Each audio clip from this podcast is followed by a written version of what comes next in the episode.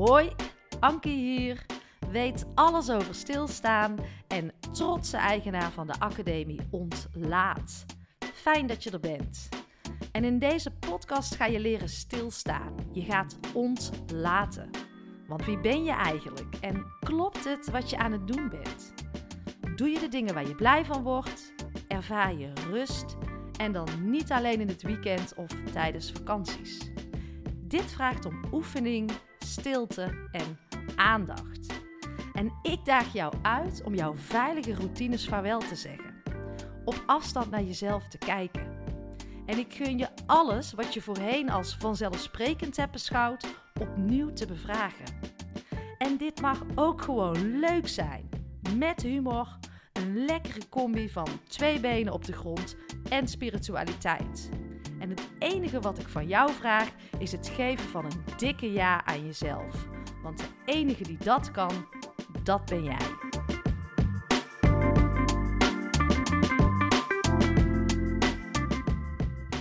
Lieve luisteraars, welkom. Er staat een uh, bijzonder interview klaar, mag ik wel zeggen. Daar gebeurde iets in het interview en uh, ik kan daar heel veel woorden aan geven.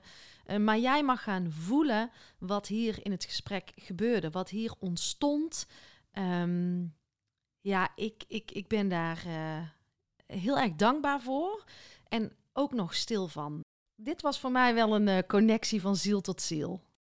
Want uh, wat Jan ook zo mooi zegt, we kunnen blijven verbinden vanuit ons ratio, maar zit daar wel de oplossing? En laten we nou ons hart eens vol openzetten en vanuit daar met elkaar verbinding gaan maken. En dan ontstaat er echte beweging. Dan gaan we echt het verschil met elkaar maken en impact maken. En wat Jan ook zo mooi zei, is dat je in deze tijd dingen moet doen die je nog nooit eerder hebt gedaan. En dat was voor mij het zetje om ook hulp te vragen. En die ga ik ook aan jou vragen, lieve luisteraar. Ik ben wel een persoon die het altijd denkt uh, alleen te moeten doen op eigen kracht. Uh, laten zien uh, dat ik het wel alleen kan. Maar ehm, ik heb een missie. En de missie die ik heb, die is echt groter dan mij alleen. En ik voel aan alles dat ik dit helemaal niet alleen hoef te doen, maar dat ik dit samen met jullie mag gaan doen. Met deze podcast wil ik uh, mensen echt bewuster maken van hun eigen potentieel en leiderschap. Want wauw, wat ligt er nog veel verborgen goud in onze maatschappij, maar ook zeker in ons als mens. En dat wil ik zichtbaar maken. En mijn podcastkanaal is gewoon klaar voor het grote podium. En dat wil ik dus ook op een nieuwe manier doen, zoals ik het voor me zie. Dus geen gesponsord kanaal of uh, opgekocht worden weer door een groter geheel. Nee, zo uitgaan vanuit onze eigen kracht, vanuit onze eigen power, samen met jullie. Vanuit de gedeelde waarden en uh, vanuit een uh, gedeeld geloof. En ik wil dat dit kanaal gratis blijft, omdat ik zoveel mogelijk mensen wil bereiken. En dus ook helpen. En ik vind het best spannend om dit te vragen. Uh, mijn ego vindt hier van alles van. Maar met stoerheid uh, lossen we niks op. Dus gaan we voor uh, rendement of blijven we gaan voor rendement? Dus ja, geloof jij in dit kanaal? Geloof jij in mij? Um, ik heb veel te geven, ik heb veel door te geven, maar ik mag ook leren ontvangen. Dus ik ben op zoek naar uh, mensen die willen investeren in mij, uh, op zoek naar donateurs, kleine bedragen, grote bedragen. Maar volgend jaar in 2023 staat in ieder geval dit kanaal op de kaart. En gaan we met elkaar zorgen voor echte beweging, voor nieuwe leiders en uh, dat ripple effect een nieuwskanaal, maar dan anders, helemaal passend bij uh, de nieuwe tijd. Vanuit positiviteit, vanuit vertrouwen, vanuit verbinding, voor meer leiderschap, stilstaan en zingeving. In de show notes uh, staan alle linkjes hoe je mij kan vinden en uh, hoe jij kan doneren. En met jouw hulp ga ik mijn zielsmissie verwezenlijken. Dankjewel. Ga lekker luisteren naar het prachtige gesprek en voel uh, wat jouw hart zegt, wat je mag gaan doen en uh, handel daarna.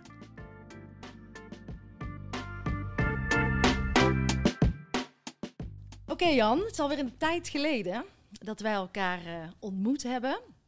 Ik denk dat het net aan het begin is geweest van deze hele coronaperiode.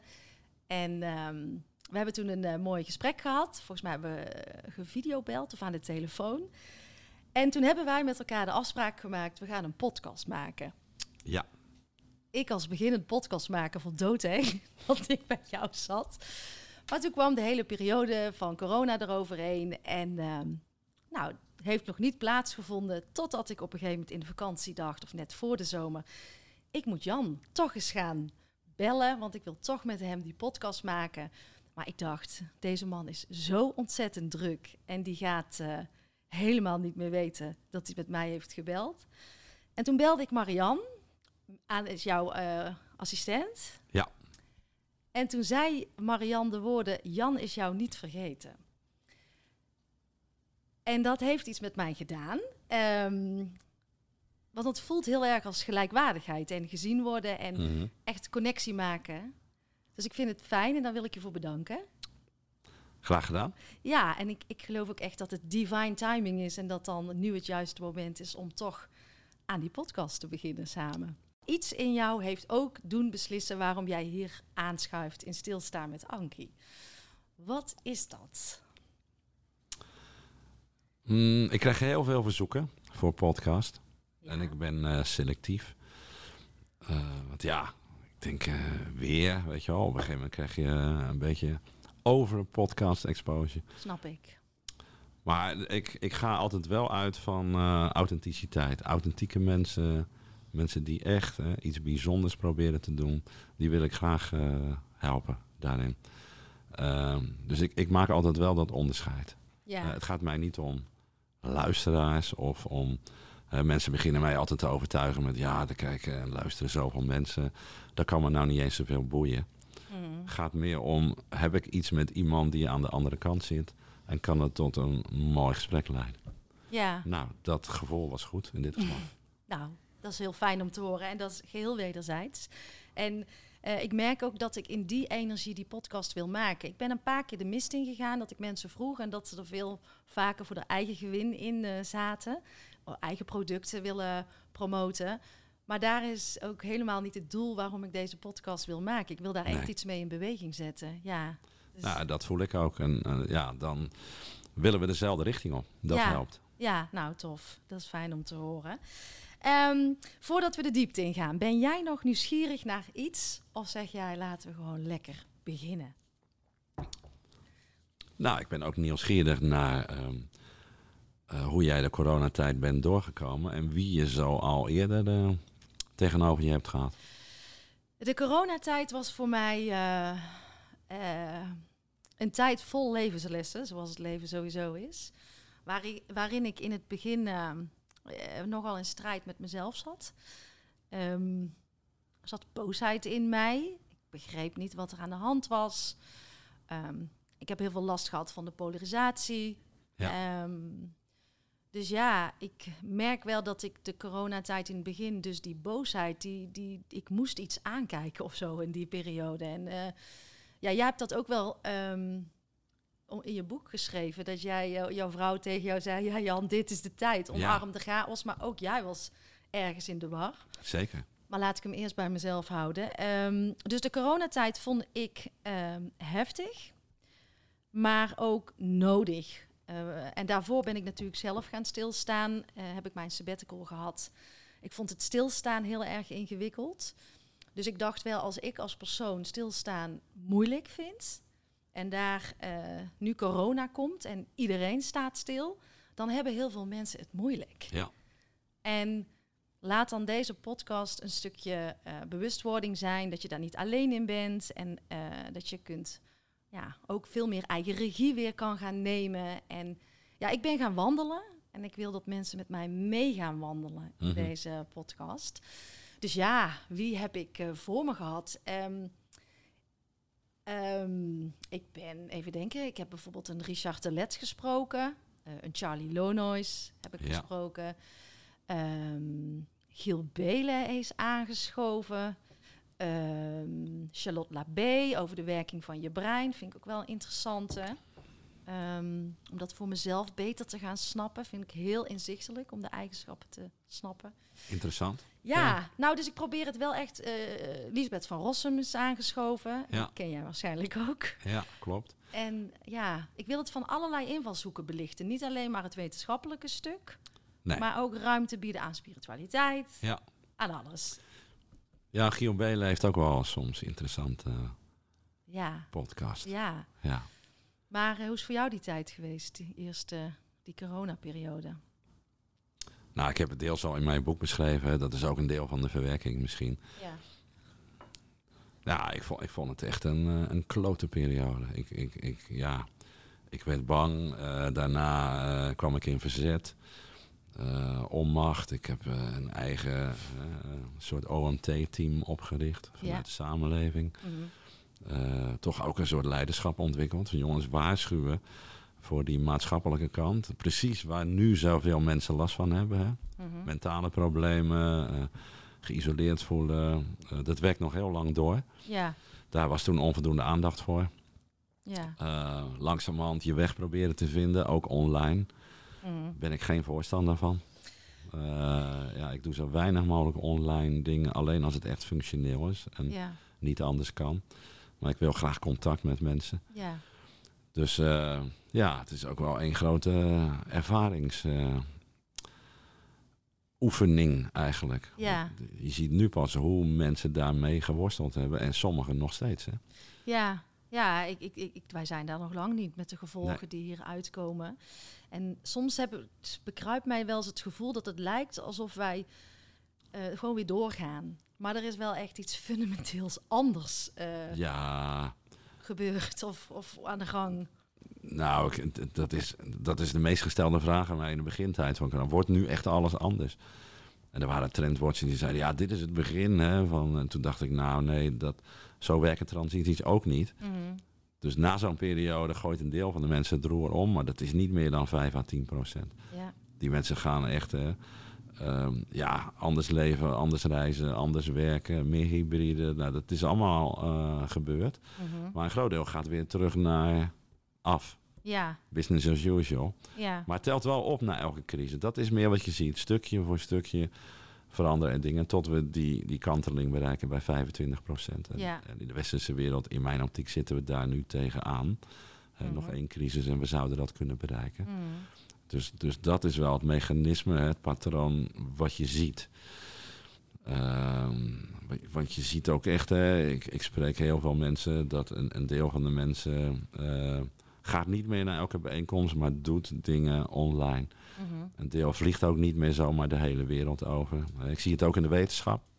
9 van de 10 dingen zijn gewoon online. Ja, En eh, ik vlieg ook niet zomaar meer voor één of twee dagen naar Barcelona. Of afgelopen weken kon ik weer eh, naar heel veel landen. Met, nee, dat doe ik niet meer. Mhm. Mhm. Dan doe ik het online of niet. Mhm. En, en, en vroeger had je die afweging niet of nauwelijks. Dus dat, dat strekt wel tot hoop. ja zeker. Maar Ja. het is nooit zo dat in één keer door één gebeurtenis of crisis iedereen omklapt. En als we nu eh, even door jouw transitiebril kijken, ook Ja. eh, hoogleraar transitiekunde en duurzaamheid, als ik het goed zeg. Ja. Ehm, want ik hoor jou vaak zeggen, we leven niet in een verandering van eh, tijdperk, maar in een... Nee, we le- ja, daar gaat hij. We leven niet in een tijdperk van verandering, maar in een verandering van tijdperk. Veel mensen struikelen daarover. Ja, ik dus ook. ik denk, ik ga hem eruit editen. Maar nee hoor, nou, ook dat mag, hè, fouten maken. Ehm, jouw prachtige boek, eh, wat je hebt geschreven, Omarm de chaos. Eh, je bent heel erg bezig en je schrijft ook over een transformatieve verandering. Maar nou even kort en krachtig, laten we even uitzoomen. Dat wil Ja. ook graag, inzoomen en uitzoomen. Ik noem dat helikopteren of adelaren. Ja. Ehm, maar waar zijn we nou eigenlijk in beland? Leg het de leek eens uit. ja. Lukt dat, een hoogleraar? Jawel. Nou, Nou, laten kijk, we beginnen. Ik denk dat we in een soort polycrisis zitten. Dus we krijgen nu een meervoudige crisis. Dus Ja. de ene crisis stapelt zich op op de andere, omdat heel veel dingen samenhangen met elkaar. En we hebben ook tientallen jaren verzuimd om echt in te grijpen. En dan hoopt het zich op in een bepaalde periode. En in die periode zitten we nu. Mhm. We hebben nu een energiecrisis. Maar we hadden al de coronacrisis. We zitten in een landbouwcrisis. Hè, hangt weer staan met de stikstofcrisis. Mhm. We zitten in een soort sociale crisis. We krijgen energiearmoede, noem maar op. De klimaatcrisis die er aankomt, of al is, ligt eraan hoe je ernaar kijkt. Mhm. En dan denken mensen, wauw. Ja, en dat hangt dan ook nog allemaal met elkaar samen. Ja, Ehm, en, en, en dat is een zware periode. Ik heb al hè, de afgelopen maanden aan de bel getrokken en gezegd: ja, een polycrisis los je niet zomaar in één of twee jaar op. Nee, nee, nee. Je kan ook geen pleisters meer plakken, want die worden in no time onderdeel van het probleem. Dus je moet nu echt radicale maatregelen nemen. Maar ja, het kost ook tijd. Hè, we zitten best wel in een diepe meervoudige crisis. Mm. Dus dan kun je wel zeggen, ik ga één keer 25 miljard uitgeven om de energierekening iets te verlagen. Maar dat moet je volgend jaar waarschijnlijk weer doen en het jaar daarna. Je kan ook zeggen, nee, ik ga nu alle huizen duurzaam maken in Nederland. Hè? Beter isoleren of zonnepanelen. Eigenlijk is dat een veel betere oplossing die soelaas biedt dan één of twee of drie keer geld geven Ja. aan mensen. Ja. Wat alleen maar de crisis aanwakkert. Want dan krijg je weer meer inflatie. Moeten mensen meer betalen. Dus je moet nou echt dingen doen die je nooit eerder hebt gedaan. Mhm. En in de 19e eeuw hadden we ook zo'n periode, hoewel het nu sneller gaat en heftiger is. En toen hebben we er ook tientallen jaren over gedaan om dat allemaal te repareren. Nou, dus dit wordt de, tijd van eh, ja, door die crisis heen zien te komen, hè, die polycrisis. Mhm. Met zo min mogelijk schade en zoveel mogelijk mensen helpen Mhm. om hier doorheen te komen. Dat wordt best heftig. Ja, ja, ja. En tegelijkertijd moeten we dan ook perspectief bieden en zeggen: oké, als we dit en dit en dit en dit doen, en je moet alles gebruiken: wet en regelgeving, geld, hè, de sociale normen zijn heel belangrijk, onderwijs heel belangrijk, de woningvoorziening. Dan kunnen we er beter uitkomen. Dus je moet, in deze tijd, dat deden we vroeger ook, zeggen we: oké, het wordt lastig de komende tien jaar, maar hier koersen wij op af. Mhm. Dat mis ik nog een beetje. Er wordt nu heel veel afgebroken. Ja, Hè, bijvoorbeeld in de landbouw. Dan zeg je, ja, we willen minder boren. Ja, maar wat is dan het perspectief ja. eh, voor de landbouw? Je kan niet alleen maar afbreken.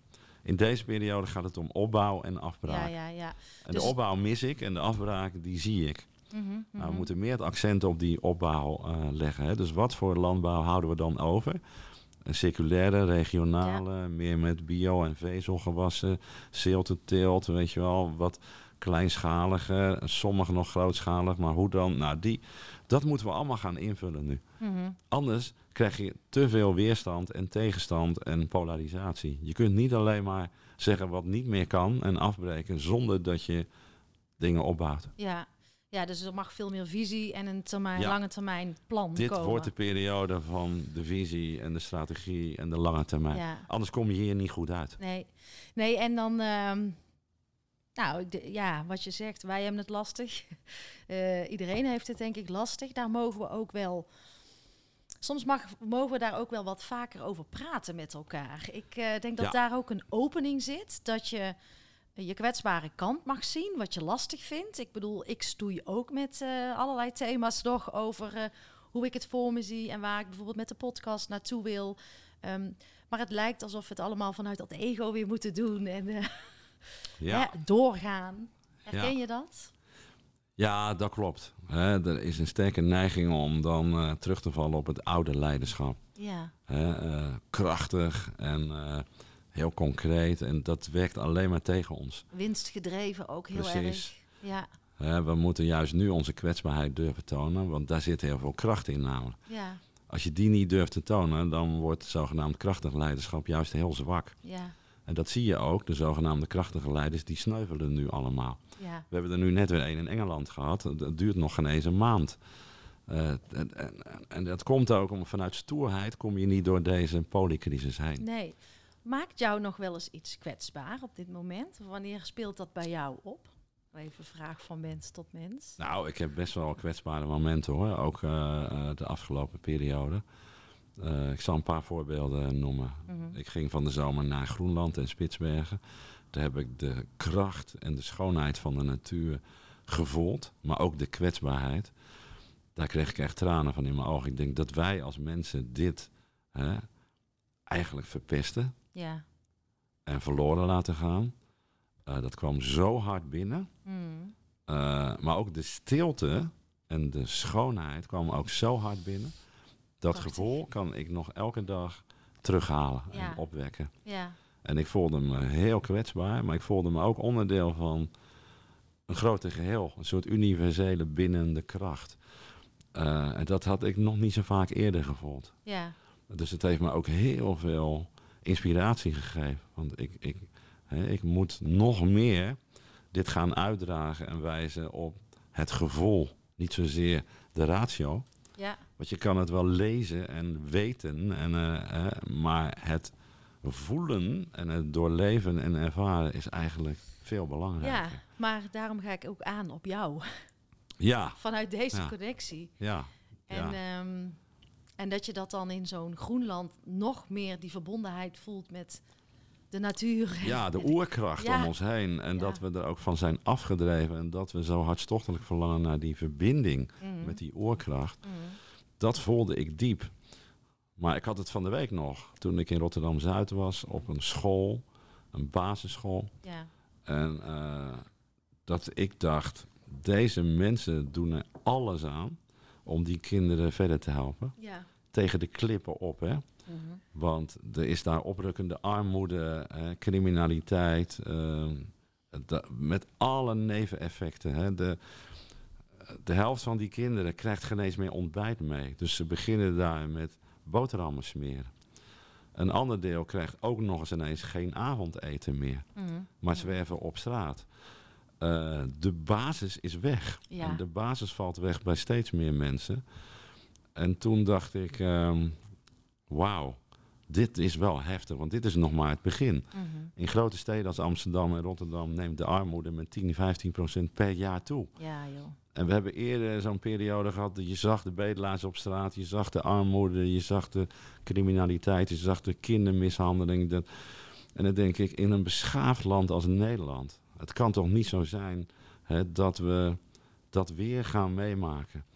Toen Artsen zonder Grenzen voor het eerst twee maanden geleden hier ingrepen in Nederland, toen dacht ik, in een beschaafd land als het omzet, dit kan niet Nee. waar zijn. Dit, dit, Nee. dit is echt schandalig. En, en gisteren zat ik in de jury, ik mocht een prijs uitreiken met een aantal anderen voor, voor initiatieven. Nou ja, de, en één daarvan die raakte me in mijn hart uit Rotterdam. Een aantal jongeren, Mhm. die dus andere jongeren die buiten de boot dreigen te vallen, helpen. Fantastisch, ja. Helpen, gewoon door ze perspectief te bieden, door te kijken, is er een soort optie voor jou dat jij je verdienstelijk kan maken, dat jij anderen kan helpen, dat je een baan kan vinden, dat je wegblijft uit het, laat ik zeggen, criminele circuit. Mhm. Ja, dat raakt vol mijn hart. Dan Ja. denk ik, dit zou ik eigenlijk ook willen doen. Ja, ja, ja, ja, ja. Ja, Ja. dit is. Waarde toevoegen. Ja, aan de maar dan heb wereld. je echt impact. Hè? Ja, En dan staat daar zo'n vrouw van 28 een gloedvol betoog te houden. En die woont ook in Rotterdam Zuid. Mhm. En, eh, en die doet dat soort dingen in de praktijk met die Ja. jongen, op die leeftijd. hoeveel zingeving. Wauw. Dat, toen, ik dacht toen ik 28 was, zat ik nog in mijn boeken en ik was in mijn hoofd en met ratio. ja. En die doet dit soort dingen op straat met straatjongeren. En die heeft nu een clubhuis in oprichting en een busje waarmee ze rondtoeren. Wauw. Ja, Weet je wel, dit is de essentie.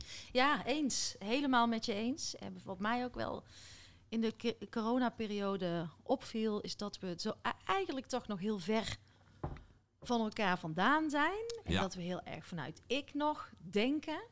En ik zat vanochtend nog in de auto met eh, Renate, mijn compagnon. Ik zei, wauw, ik zou wel dromen van een soort communes... dat je eh, een aantal mensen onder je hoede hebt waarvoor je kunt zorgen. En eh, vroeger zou ik al mijn geld als interim programmamanager... om het zoveelste reisje naar Ibiza te doen. Ja, Om daar maar te laten zien hoe fantastisch ik het heb. ja, Maar hoe mooi zou het toch zijn als wij niet meer eh, naar boven moeten kijken voor hulp, maar dat wij om ons heen gaan kijken en denken wie zit er in mijn directe omgeving die je kan helpen. ja. En daar een stukje van eh, mijn winst van mijn bedrijf, de omzet, naar hun teruggaat. Ja, ja kijk, eh, vergis je niet. Hè? Als je onder de radar kijkt, zie je heel veel mensen bezig vanuit zingeving en vanuit een mooi woord. Hè? Ja, Wat ik ooit ontdekte, samenredzaamheid. samenredzaamheid. Ja, Eh, er zijn in Nederland alleen al 500 zorgcoöperaties wauw. vanuit Ja, samenredzaamheid. Mhm. Dat zijn mensen die andere mensen in de buurt helpen. heel goed. Heel eenvoudig begonnen met boodschappen doen, eh, eten brengen. En daarna werd het steeds uitgebreider. Mhm. Als alternatief voor die koude, kille, keiharde zorg die we hebben. Ja, Die helemaal draait om rendement. ja. En dit draait om rendement.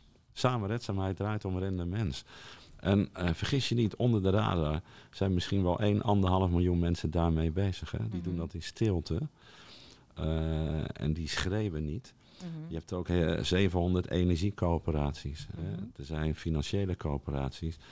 Dus de, de, in die onderstroom zie je de opbouw, de kiemen van een nieuwe samenleving. Mhm. En zelfredzaamheid vind ik eigenlijk een akelig begrip. Mhm. Want dat is weer ik, zelfredzaamheid. Ja. Eh, dat is typisch iets wat een eh, liberaal zou voorstaan. Nee, Mhm. jij redt het niet meer zelf in deze tijd. Je moet het samen doen. Samen bepaalde waarden delen. En dat is ook wel voor mij een droom. Hè? Dat had ik al eh, lang geleden. Dat je in de toekomst met jouw naasten en vrienden Mhm. samen woont, werkt, leeft, eh, whatever.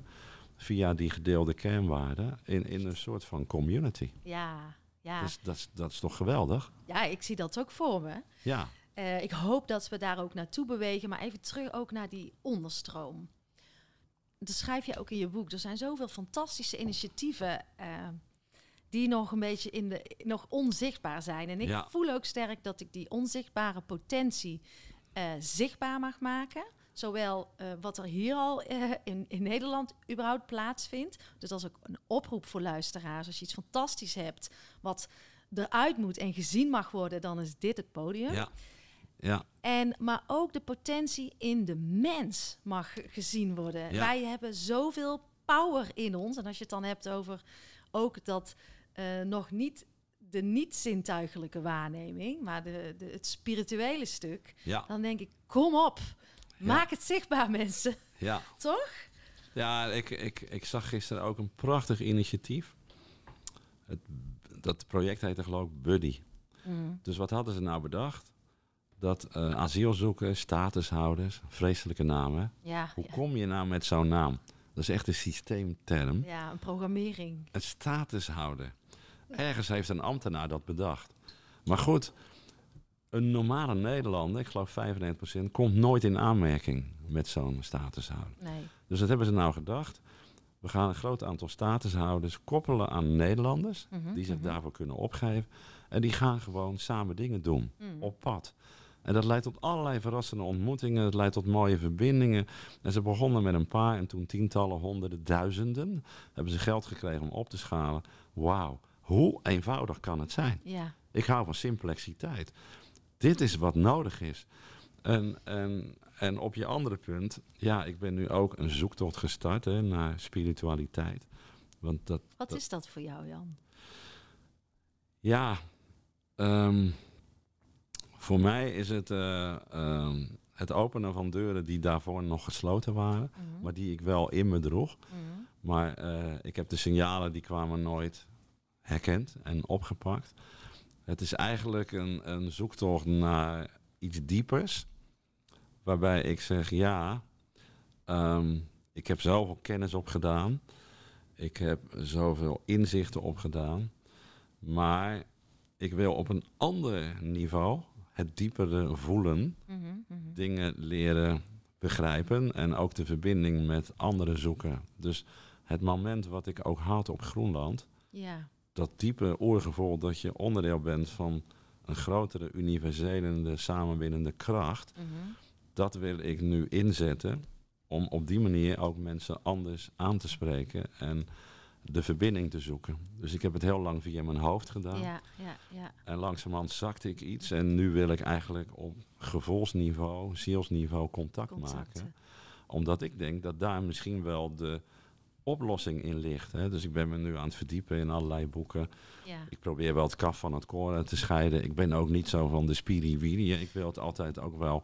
Praktisch, Praktisch twee benen op de maken. Ja, Want je kan je er ook helemaal in verliezen. absoluut. en ik ken absoluut. ook mensen die zich daarin hè, eh, hebben verloren. Ja, En dat leidt alleen maar tot meer naar binnen gekeerdheid. Dat wil ik juist niet. nee. Eh, Ik wil het zo mooi mogelijk inzetten. Dus ik heb, ik heb nu een boek gelezen over verschillende stadia van bewustzijn. Mhm. Dat we dus, ja, elk type beschaving kenmerkt zich door een bepaalde soort van bewustzijn. We komen vanuit de jagers en verzamelaars met hun mythische bewustzijn naar de meer agrarische samenleving, meer de magische bewustzijn. En dan de rationele vanuit de industriële evolutie. Mhm, en nu mhm. meer de integrale. Mhm. En die integrale, dat, dan ben je op zoek naar die verbinding met die oerkracht. Ja. En met anderen die dat ook ervaren. En 5% van de mensen heeft dat dan bereikt, schat men in. Op dit moment? Op dit moment, wereldwijd. Ja, ja. En eh, ja, er zijn dus mensen, iemand als Ken Wilber, die ik nu ook aan het lezen ben, die zeggen 10% is dan een doorbraak. Mhm. Zelf zit ik meer op de 20, 25%. Dus ik worstel daarmee. Ja, Maar het, het, volgens mij zit daar wel een belangrijke sleutel. We hebben het graag over technologische oplossing en financiële maatregelen. Mhm. Maar het diepere bewustzijn dat wij een heel ander pad moeten inslaan. ja. Hè, om meer in balans te komen met die natuur en in onszelf. Mhm. Als je dat deelt met anderen, is dat zo'n kracht ja, dat dat alle rationele tegenkrachten omver kan blazen. ja, Zo voel ik dat ook. ja. En ik, vind, ja, ik krijg daar kippenvel van als jij dat zegt. En eh, voor mij is ook dat... ehm, ja, hoe moet ik het? Dus soms is het gewoon lastig om woorden te geven aan wat je voelt. En Ja. is dat, zijn er misschien ook helemaal geen woorden voor nodig. Maar dat wil ik dus ook met dit kanaal. Het is een soort energie wat samenkomt vanuit eh, eh, ja, zielsconnectie. Ja. En dat dat gevoeld wordt. En dat, dat dan wij dan samen dit in woorden naar buiten brengen. Maar dat het op een andere laag raakt dan het rationele stuk. En Ja. ik ben het absoluut met jou eens dat we moeten waken. Dat we niet doorslaan. En eh, je, je moet het hier doen. Twee benen in de, in de of Ja. je poten in de klei. En ook je rationele stuk is super belangrijk. Maar dat we het open mogen zetten en die potentie mogen gaan benutten. Ja, graag. Kom maar op. Ja, klopt.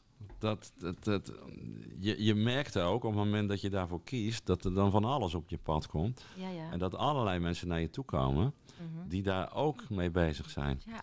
En ik gebruik het nu voor het eerst in mijn eh voordrachten en presentaties. Mhm. En dan zie je een deel van de mensen kijken van, wat is dit nou? Ja, En een ander deel van de mensen is gelijk verbonden. ja. Ehm, eh, En dat voel je meteen. En daar ja. zit volgens mij ook Ja. de beweging of zo. Voor jou dan. ja, dat is het mooie, want da- dat is heel krachtig als je dat voelt. Ja, Dan heb je ook niet zo heel veel woorden nodig. nee. Dan, dan is het goed. En de rest die dat niet wil, ook goed. Ik, Ook goed, inderdaad. ik ben niet zo van eh, de hiërarchie van... Ja, je leest wel eens mensen zijn wakker of niet. Maar dat vind ik te kort door de bocht. Ik vind het ook een vorm van stigmatisering. Ja, dus dan als is jij het weer wakker labelen. Bent, als ja, jij wakker bent, zit je aan de goede kant. en Slaap je- jij dan? en, ja, en anders zit je aan de verkeerde kant. Dat, dat is weer de oude manier. Mm, Dat is juist niet hè, ehm, eh, waar we naartoe moeten streven. nee, nee, Eh, dus soms schieten woorden ook tekort. En dat maakt ook niet uit. nee. Hè? Ehm, maar ik, ik, ik wil juist hè, niet dat superioriteitsgevoel van hier zit ik en waar ben jij dan? Ja. Nee, het is meer het universele gevoel van in de kern zijn we allemaal gelijk Juist. en hebben we elkaar nodig Ja. eh, om hier doorheen te komen. En dan kan het ook. Mhm, Dan voel je je zoveel lichter en sterker dan daarvoor. mhm.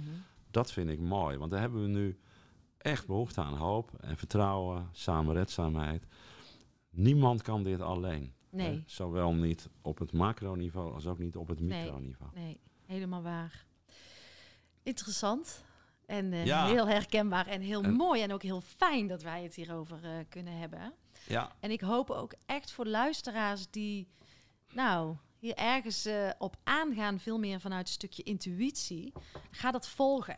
Eh, ja ik, ik, eh, ik, ik kan het aanbevelen, want er gaat een hele wereld voor je open. En ik, je moet wel je weg vinden aan de hand van mensen die daar ervaren eh, in Mhm, zijn. Dat mhm. heb ik gelukkig ook. Ja. Ehm, want anders verdwaal je. ja, ja, en soms is het leuk om te verdwalen, maar je moet wel een zekere richting vinden. ja, Want er wordt ook veel onzin geschreven. Hè? Eh, ja, mensen die zich, wat ik zei, erin verliezen. Of Mhm, die het als mhm. een religie zien. Of als er weer een houvast buiten jezelf. Eh, Ja, oh, dan pas dan- ik weer daarin, of pas ik daarin, of dit gaat over mij. Nee, de, kunst is om het in jezelf te zoeken. ja, precies. Eh, en dan wel, vind ik, het ook buiten jezelf toe te passen. Hè? Dat je het echt heel mooi inzet. buiten. Ja, van binnen naar buiten. En niet alleen van buiten naar binnen, want dat leidt tot introspectie en dan gaat het weer over je ego en jezelf. Mhm. De bedoeling is om dat nou eh, los te laten. Ik ging bijvoorbeeld met mijn dochter eh, een paar weken geleden naar Michael Pilatschik in eh, Ja. het Circus Theater. Nou, ik sta daar wat sceptisch tegenover. Ik denk, ja, het is wel commercieel en het is toch wel, ja, laat ik zeggen, wat oppervlakkig. Mhm. Maar ik, ik was toch wel gefascineerd in die zin. Er kwamen 1800 mensen kijken. Het Circus Ja, dat is echt een serieuze beweging. En, en, en ik dacht, wie komen daar dan op af? Nou, allemaal twintigers, dertigers, veertigers. Mhm. Mensen die op zoek zijn, die het niet vinden bij de kerk of in de religie. Die ook de politiek hè, niet meer echt vertrouwen. En die, die zijn op zoek. En hoe hij zich afzet tegen die politiek, daar heb ik niks mee. En dat is soms bijna op het agressieve af. En ook met corona, daar heb ik allemaal niks mee. Maar Nee. het ging mij om het fenomeen. Hij bereikt wel een groot publiek. Mhm. Het is een, eigenlijk één grote, ja, laat ik zeggen, eh, spirituele oefening. Hè? Eh, een soort ademhalingsoefening. Ehm, meditatief. Mhm.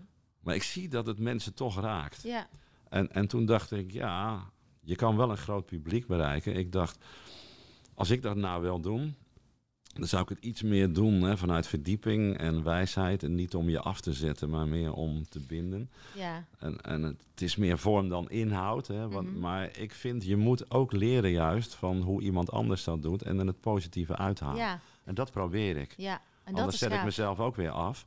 Ja. En dan vind ik het toch knap. Dat je op die manier zoveel mensen bereikt. Ja, En dat is dan weer onderdeel van mijn missie. Dat ik dat met anderen ook misschien zou kunnen. Hè. Mhm, En mhm. ik lees dan over zonnen en manen. Ja, mensen hebben een zonkant en een maankant. Vrouwelijk, mannelijk. Ja, nou ja, misschien ben ik een zon die anderen kan beschijnen. Dat weet ik niet. Ik word ook weer op die manier hè, eh, belicht. Mhm. Ehm, maar dat geeft mij ook wel weer hoop en perspectief. Ik denk, er is zo'n grote groep die Ja, op zoek is. ja, Maar die komen niet af op klimaatverandering of verduurzaming. Maar die komen wel af op, ja, laat ik zeggen, houvast, perspectief, andere waarden. mhm. Dan dat ze tegenkomen in de politiek. Of, eh, Ja. Weet je wel, en, en daar leer ik dan weer van. ja, Want als je dat met al die mensen doet in zo'n zaal, dat geeft ook wel weer zo'n samenbindende kracht. mhm. Zeker. En ehm, het mooie vind ik ook wat jij zegt. In het begin stond, ik- dacht ik, nou, ik ga er naartoe met mijn dochter, misschien sceptisch. Ja, Maar je gaat wel om voor jezelf een beeld te gaan vormen wat past bij mij. Ja. En wat ik dus eh, te vaak nog om me heen zie, ehm, is dat het dan meteen weggeduwd wordt, of het is gek, of het wordt Ja. in een hoekje gezet. Maar dan denk ik, ga je nieuwsgierigheid achterna, Ja. ga op ontdekking. En Helemaal jij eens. bepaalt als persoon altijd zelf wat waar is voor jou, toch? ja. Niemand anders. Nee, en je leert er heel veel van. Ja, Eh, en je moet ook niet in je eigen bubbel blijven, maar juist ook hè, eh, bijna anticyclisch denken en voelen. Ik vond het wel mooi. Hij, hij zei iets moois op het eind. Hij zei, nou, er zijn misschien mensen die denken, ja, ik heb niks nieuws gehoord. Toen zei hij, nou, dat was misschien de bedoeling. Ik blijf het herhalen, totdat mensen de stap maken van weten naar begrijpen. Mhm. En toen, dat zette mij aan het denken, omdat ik denk, ja, de stap van weten naar begrijpen gaat voor mij ook via het hart en het gevoel. Mhm. En, en dat hart en die gevoelskant zou ik meer willen inzetten Mhm. om mensen die stap te laten maken. En dat vind, dat vind ik dan mooi. Hè? Ik kan, ik kan eh, tien keer uitleggen waarom we moeten verduurzamen, eh, maar dan breng ik weer kennis over. Mhm. Maar als ik op gevoelsniveau kan overdragen waarom wij anders met elkaar in de natuur moeten omgaan, heeft dat veel meer bindende kracht En impact. en impact. Ja, ja. Nou, dat, dat vind ik dan een mooie nieuwe nieuw opdracht inzicht. en, Ja, eh, ja, missie. gaaf. Ja, Ja, ik, ik, ik merk het bijvoorbeeld ook met mijn, ehm, mijn... Ik heb dus ook echt... Ik wil die wereld in beweging zetten. En- Mm. En, dat schreef jij ook, hè? Als kind van vijf had je dat. Ik Ja. voelde dat ook heel sterk. Ik herken dat. En dit kanaal is daarvoor. En dan ga je vragen aan je luisteraars. Die stijgen elke week. Dat ik denk, wow, dit gaat goed. Eh, en toch vraag je dan bijvoorbeeld om een donatie. Om, want ik wil geen gesponsord kanaal zijn. ja, En dan blijft het stil. ja. En, en dat vind ik zo moeilijk. En dan zie ik vandaag nog iemand die dan weer opgekocht is, een podcastkanaal door. eh, eh, nou ja, iets overkoepelends dat je een abonnement daaraan koppelt. Dus dan, ik wil onafhankelijk blijven. Ik wil mijn eigen geluid doen. En het duurt zo lang. Ik vind het vervelend en frustrerend dat dat eh, niet groeit. Of dat dat. Ik zou het zo fijn vinden als mensen daarin gaan geloven dat ze in mensen gaan investeren in plaats van in vastgoed of zo. En ik ben dit kanaal gestart echt zonder verwachting, gewoon omdat ik zo voelde dat ik dit eh, moest doen. Dus eh, ik weet dat ik mag vertrouwen in die overgave, maar, maar toch. Ja, ja. Maar waarschijnlijk geslaagd door negatieve ervaringen aarzelen dan een hoop mensen. Om dan ook iets te doneren. Dat, Ja. Ze zijn het misschien ook niet gewend. Dit is nog iets. Nieuws misschien. Ja, podcasts zijn ook een relatief nieuw fenomeen. Mm, Bestaat al veel langer in de Verenigde Staten. Hier Ja. is het de laatste jaren doorgebroken, zeker door corona. mhm. Maar het komt goed. Dat, dan, dan- ik wil je daarbij wel helpen. Hè? Ehm, wat heb je nodig? Ja, wat heb je nodig? Ik vind dat een hele mooie vraag. Ehm, nou, ik zat net ook tegen Pascal te vertellen. Ja, mijn echte wens is dat eh, iemand die dus ook aangaat op, op, op, op ja, die voelt, hey Ank, ik geloof in jou en ik wil samen dit geluid groter maken, want ik wil voorkomen dat het weer gekocht moet worden, maar ik wil een zo groot mogelijke doelgroep blijven Ja. bereiken, gratis. En aan de andere kant wil ik natuurlijk ook ehm, heb ik ook geld nodig om het te kunnen blijven maken. Dus ja, iemand die wil investeren in, in het rendement van mij en wat ik met dit kanaal wil, dat zou ik onwijs tof vinden als die zou kunnen vinden. Ja, maar die mensen zijn er. Ik hoop het. Je moet ze alleen zien te vinden. Ja, Ja, dus dat is wel een hulpvraag, denk ik. Wat heb je nodig? Eh, en, en ook mijn luisteraars van... Ik zeg altijd, ja, één kruimeltje brood, één kruimeltje maakt ook een heel brood. Het delen af en toe is zo impactvol. ja, En jou, ook jouw mening en jouw geluid doet ertoe. ja. Nou, we kunnen toch een crowdfunding actie starten? Ja, kan dat? Tuurlijk. Als je een goede vindt, dan heb je in een relatief korte periode het geld wat je nodig hebt bij elkaar. Ja. Tenzij het eh, buitensporig veel is, maar jouw kennende is dat niet nee, zo. nee. Dus ehm, nee, maar dit, dit, er zijn kleine problemen en grote. Dit lijkt me een overzien klein probleem. Nou, laten we die gewoon opstarten en daar Ja. eh, gewoon mee verder gaan. Ja, ja. Ik, ik doe de eerste donatie. van eh, rendement naar rendement. Ja. Nou, dankjewel Jan. En dankjewel. Jij zegt ook, ehm, de menswaarde gaat weer domineren in de toekomst. En ehm, minder spread, heat, maatschappij, minder ego, meer waardetoevoeging, meer hart. De mens komt weer centraal. En in de kern is transitie mensenwerk. ja, Waarom is die mens dan in die transitie zo ontzettend belangrijk? nou omdat nu in die transities vooral de systemen domineren. Ehm, en dat is voor veel mensen abstract en bureaucratisch. Ehm, het gaat altijd over systemen en geld. Mhm. Hè, dus als het over de gezondheidszorg gaat, dat is een complex systeem. Ja, Dan gaat het altijd over de grote zorgleveranciers en de verzekeraars. En die hebben dan de macht Mhm. en die willen meer geld hebben. Ehm, maar jij en ik, die dan verzorging of ondersteuning nodig hebben, die komen terecht in dat complexe web Mhm. van eh, partijen Mhm. eh, die op heel hoog abstractieniveau aan het opereren zijn. Helemaal losgezongen van de mens, de werkelijkheid. Mhm. Ja, het, het is al een aloude dualiteit hè, tussen een mens en systeem. En er zijn eh, eh, meerdere filosofen die hebben daar hun eh, hersens over laten kraken. Je ziet altijd hetzelfde mechanisme. Mensen hebben behoefte aan organisaties, die maken systemen om het leven een stukje makkelijker te maken. Die systemen helpen je. Mhm. Kijk maar wat we hebben opgezocht hè, en, en wat we hebben opgezet sinds de 19e eeuw. Mhm. De arbeidsvoorziening, hebben we de pensioenvoorziening, onderwijs, zorg, democratie. En op een gegeven ogenblik worden die systemen, die lopen vast. Ja. Want wij veranderen als mensen. We hebben andere wensen en eisen. En die systemen die, ja, die komen dan in de knoop. Mhm. En eh, ja, daar zitten we nu in. Ja, Eh, en, en, en dan krijg je chaos. Want ja, die systemen moeten veranderen. Maar in welke richting dan? ja. Eh, ja, nou, dat, dat is de hoop. Hè. Al die systemen moeten veranderen. Het leidt tot doorbraken. Mhm. Om ons weer te kunnen bedienen. Want die systemen gingen zich tegen ons keren. Mhm. Werden te ingewikkeld, te bureaucratisch. De zorg is heel, heel ingewikkeld.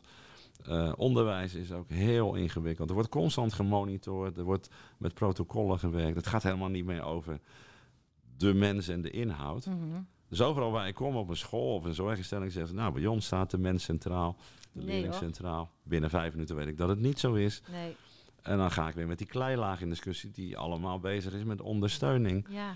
Dus we, we, we komen nu in een periode waarin we die kleilaag gaan afbreken en weer nieuwe systemen gaan bouwen die minder complex zijn en die ons echt weer gaan helpen. Mhm. Alleen het is wel een moeilijke tijd, want het geldt voor bijna alle systemen dat hun houdbaarheidsdatum is verstreken. Mhm. Ja, dat was in de 19e eeuw ook zo. Dus vandaar dat het niet over een paar jaar gaat, maar over tientallen jaren. Ja.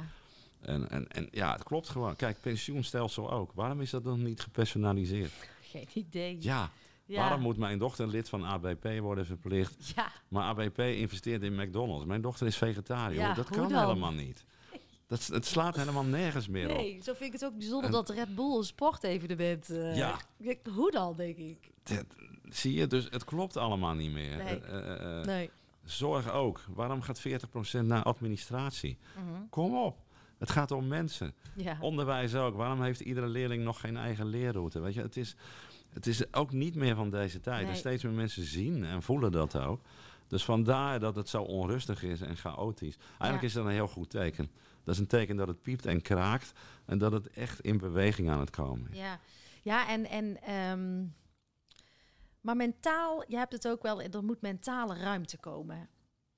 En alle bedrijven, organisaties waar ik kom, we zitten mentaal vol. We zit, ons Ja. hoofd zit vol en we zitten vast in onze eigen gouden kooi, Ja. gedachtes. Want er zijn ook allemaal verhalen die je zelf vertelt. Ja. Maar ehm, ja, hoe gaan we dat, die mentale ruimte creëren bij onszelf? Heb jij daar een beeld bij? Nou ja, kijk, eh, we zitten vol met prikkels. We krijgen elke dag eh, honderden prikkels. Mhm. We zijn overprikkeld en dat vult ons hoofd, onze mindset. En ik zeg soms, eh, ga eens een tijdje niets doen, maak even dat hoofd leeg. Ja, Dat kan ook van dag tot dag, van week tot week, van maand tot maand. Dat kan ook in meditatieve vorm. Ja. Maar als je alles maar ophoopt, ja. wordt je hoofd nooit meer leeg. Laat staan je hart. Ehm, Je kunt ook niet verbinden als je altijd nee, kan je ook bent. niet verbinden. Nee.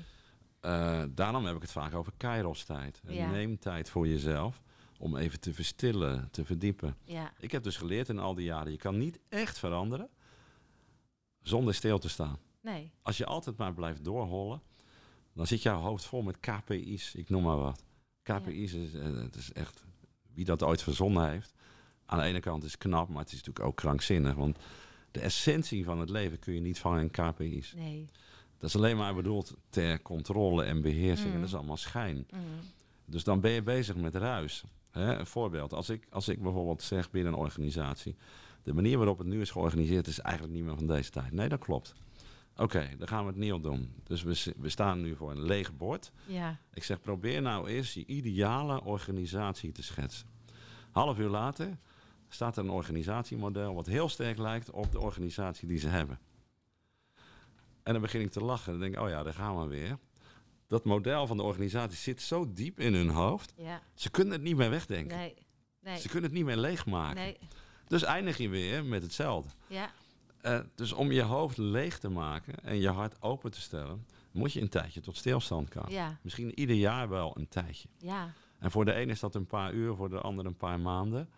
Om jezelf wezenlijke vragen te stellen. Als je constant vol zit, stel je jezelf geen vragen Nee. meer. En dan kun je dus ook dus niet nieuwe perspectieven zien. Nee. Want alle antwoorden beginnen bij het stellen van vragen. Ja. En als je hoofd vol zit, zie je ook niet meer andere richtingen. Mhm. Zie je ook geen nieuw perspectief. Nee. En blijf je voortdurend rondcirkelen en dingen doen die je altijd al deed. Ja, en ik denk dat daar dus ook, dan blijf je mentaal vol zitten. En eh, ik zie het ook, eh, ik sprak laatst dus een HR-manager die zei: Ik ben alleen maar aan het stapelen van coaches, nieuwe initiatieven. We kopen weer iets. Ik zie door de bomen het bos niet meer. Maar de mensen doen niks. Nee, We klopt. zitten vol. klopt. Dus ja. wat meer eh, stilstaan. Stilstand, meer leegheid. Even terug naar die organisatie. Ehm, als je wezenlijk gaat veranderen, en dat vind ik echt nog een hele interessante vraag. Uh, jij hebt je persoonlijke crisis uh, gehad. Dat zeg jij, dat is eigenlijk ook een voedingsbodem voor ja. die transformatie als persoon. Ik heb mijn sabbatical gehad. Um, toch zie je wel vaak, dat beschrijf jij ook in jouw boek, dat er een crisis is waardoor mensen, of een overlijden, maar dat je daardoor toch in een soort van transformatie komt als persoon. Maar nu even richting de organisatie gekeken. Ik begeleid ook veel programma's, veranderprogramma's. En, maar hoe gaan we die organisaties in beweging krijgen? We kunnen toch niet allemaal wachten op persoonlijke crisissen? Nee. Of gaan we die wel veroorzaken? Nou, de crisis zelf veroorzaken heel veel persoonlijke crisis. Hè? Dat, dat, dat ten eerste. Uh, ja, ja, ja, zeker. Maar ten tweede, het hoeft niet altijd via een persoonlijke crisis te gaan. Daarom leiden wij hè, eh, mensen op om te zorgen dat we het wel organisch en slim doen. Mm. En niet met brute kracht alleen. Mm. En niet vanuit command en controle. Om te voorkomen dat er een persoonlijke crisis nodig is. Dus je probeert mensen inzichten mee te geven en een zekere wijsheid. -hmm. Zodat ze het ook binnen hun eigen organisatie kunnen doen. Ja. En dan moet je wel bepaalde inzichten uh, meenemen. Hè? Bijvoorbeeld, uh, veel mensen willen iets veranderen binnen een organisatie. Mm -hmm. En die willen een breed draagvlak hebben. En dan zeg ik altijd, nou, dat vind ik geen goed uitgangspunt. Nee. Want daar zitten dus heel veel meestribbelaars bij. Hè? Dat is Mhm. misschien wel 30, 40 procent. Ja, zeker. Ja. Een kleine groep kan en wil echt, 5 à 10 procent. Die krijg je wel mee. Mhm, mhm. Een iets grotere groep wil wel, maar kan niet. Een iets grotere groep die wil, die wil niet, maar kan wel. En dan de grootste groep wil en kan niet, die meestribbelaars. Mhm. En als je die meeneemt, dan zeggen ze ja, leuk, we gaan het anders doen. Eh, maar achter je rug om zeggen ze nou mooi niet. Want ik heb nu een leuke afdeling, ik heb een leuke baan. Ik Dus zit goed en veilig. Ik zit goed en veilig. Ik Ja. doe alsof ik meedoe, maar ik doe niet echt mee. Nee. En die gaan dus eh, zand in de raderen strooien. Mhm. Die gaan tegenwerken. Mhm. En dan begin je vol energie en op een gegeven moment gaat het traag. En dan denk je, wat gebeurt er nou? En dan krijg je tegenwerking, weerstand. En dan loopt het vast. Want die mensen gaan allerlei constructies verzinnen. Mhm. Hè, Mhm. werkgroepjes in het leven roepen, klankbordgroepjes, eh, stuurgroepjes, eh taskforces en dan verdwijnt alle energie. Nou, dat is wat normaal gesproken gebeurt. Als je begint met de mensen die echt willen en kunnen, Ja. Ga je daarmee experimenteren. Na één of twee jaar draag je het over aan de volgende kring. Mhm. Ga je daar weer mee verder? Ja, zeggen mensen, daar ben je gauw eh, vijf à tien jaar mee bezig. Ja, dat klopt. Ja. Maar als je te snel en te veel wil in het begin, lijkt je snel te gaan en meters te maken. Maar op een gegeven moment loopt het helemaal vast. Mhm. Dus je kan Mhm. beter vanuit een diep en smal draagvlak beginnen Ja. Ja, dan eens. vanuit een breed draagvlak. Het is veel meer een organische Ja. draagvlakontwikkeling, hè? Schrijf je ook over. En veel meer persoonlijke ontwikkeling voor opstellen. Dus niet technocratisch met afrekenbare doelen en KPI's. Mhm. En dat is allemaal onzin. Het werkt ook nooit met piketpaaltjes. Je kan het ook nooit echt plannen. Nee. Het is gewoon een zoektocht. En een geloof en een vertrouwen, denk ik ook geloof me. hebben. Dus, hè, dus de top moet ook ruimte bieden, mentale ruimte en Ja. tijd om die zoektocht eh, te doorlopen. Ja, nou dat is zeker een oproep voor eh, luisteraars bij wie dit resoneert. Ga die ruimte creëren in je organisatie. Ja. Echt, uit, op de lange termijn heb je daar heel veel winst Ja. eh, en rendement uit. Rendement. Ehm, we gaan het nog kort eens even hebben over leiderschap. Ja. Jij schrijft authentiek, bezield, transformatief, feminin en verbindend leiderschap. Daar schrijf Ja. jij over. Allemaal waar. Mhm. Helemaal mee eens. Eh, ja. En toch merk ik ook dat we zo goed zijn in begrippen laden. En daar weer woorden aan geven. Maar moeten we het niet gewoon gaan doen?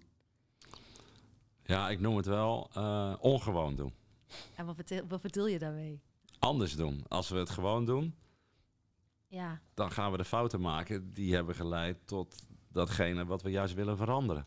ja. Hè? Dus ongewoon doen, eh, dat vind ik belangrijk. mhm, Eh, en leiderschap laat zich niet altijd vangen in woorden, dat ben ik met je eens. ja, Eh, ook dat is een kwestie van gevoel. ja, Authenticiteit voel je bij iemand of niet. ja.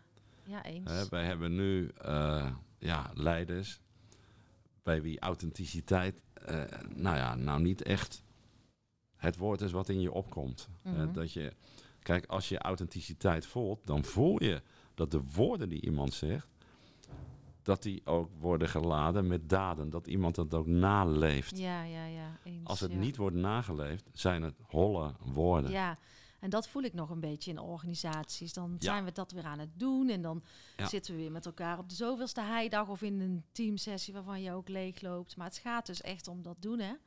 En Sta je nou echt voor wat je zegt? Ja, ja, Of zeg je het omdat het moet? ja. En denk je onderwel, nou, eigenlijk vind ik het helemaal niet. Nee. Maar ja, het wordt van mij verwacht.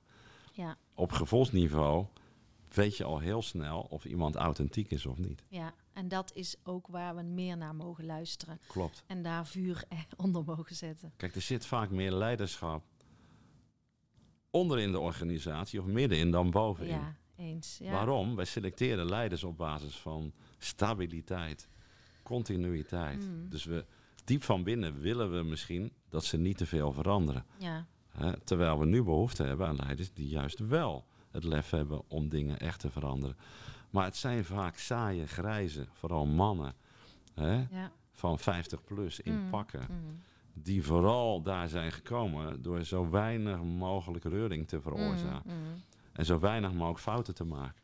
Ja. Nou, dat is nou niet het leiderschap wat nu nodig is. Nee, nee, nee. En dat vraagt ook om eh, door die weerstand heen durven gaan. Ja, vind ik soms ook wel eens lastig. Maar ja, er is een geloof om een richting in te gaan. En die, Ja. op dat pad moeten we blijven. Het zijn vaak voorzichtige, bange mensen Mm, die aan de top komen. mm.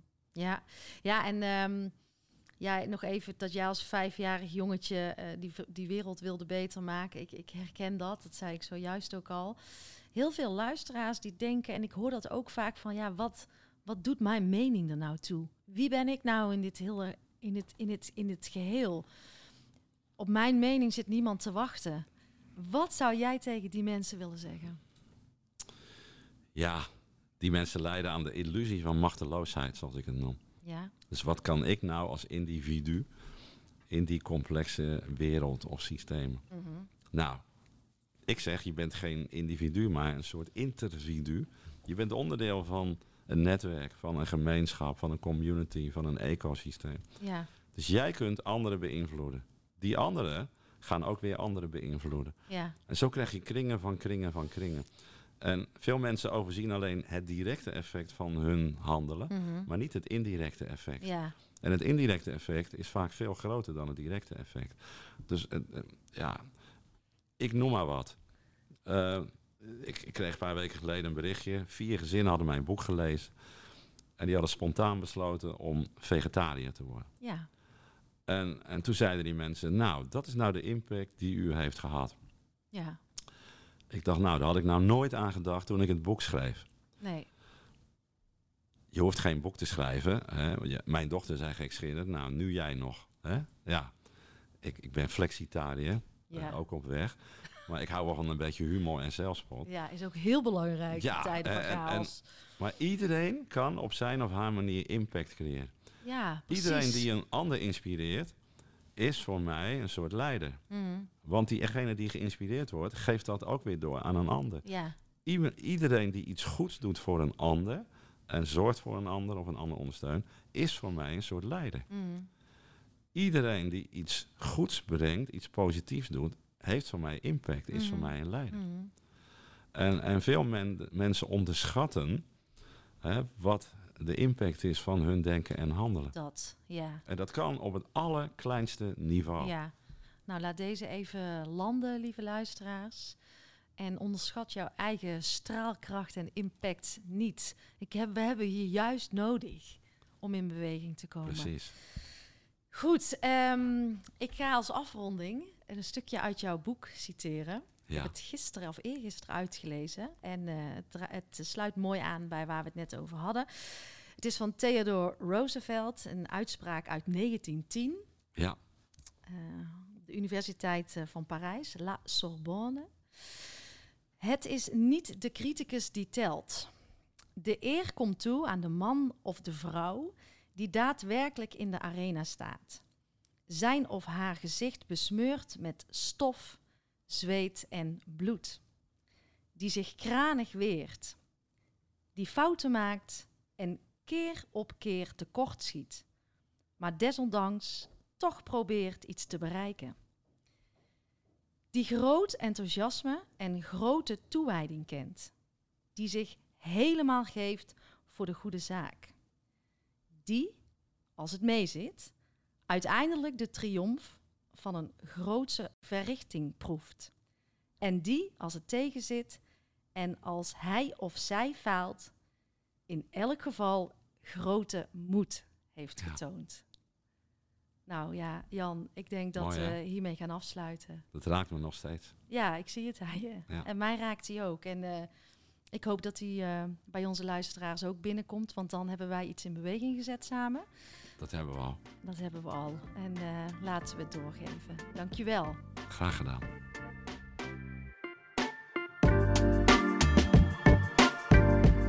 Lieve jij, dankjewel voor je tijd en dankjewel voor jouw aandacht. En word je blij van mijn podcast? Helpt het jou en voel je de behoefte om bij te dragen? Dan is dat absoluut welkom. En ik geloof in die wederkerigheid vooral vanuit die gedeelde waarden. En je helpt mij door deze podcast te delen en eh, onder de aandacht te brengen in jouw eigen netwerk. Maar ook door het schrijven van een prachtige review. Eh, een financiële bijdrage wordt ook absoluut gewaardeerd. Heel fijn eh, zelfs. Of misschien wil jij of jouw organisatie instappen in de Ontlaatacademie? Wees welkom. In de show notes eh, vind je meer hierover. Nou, fijn dat je er bent. Dank je wel. Tot de volgende podcast.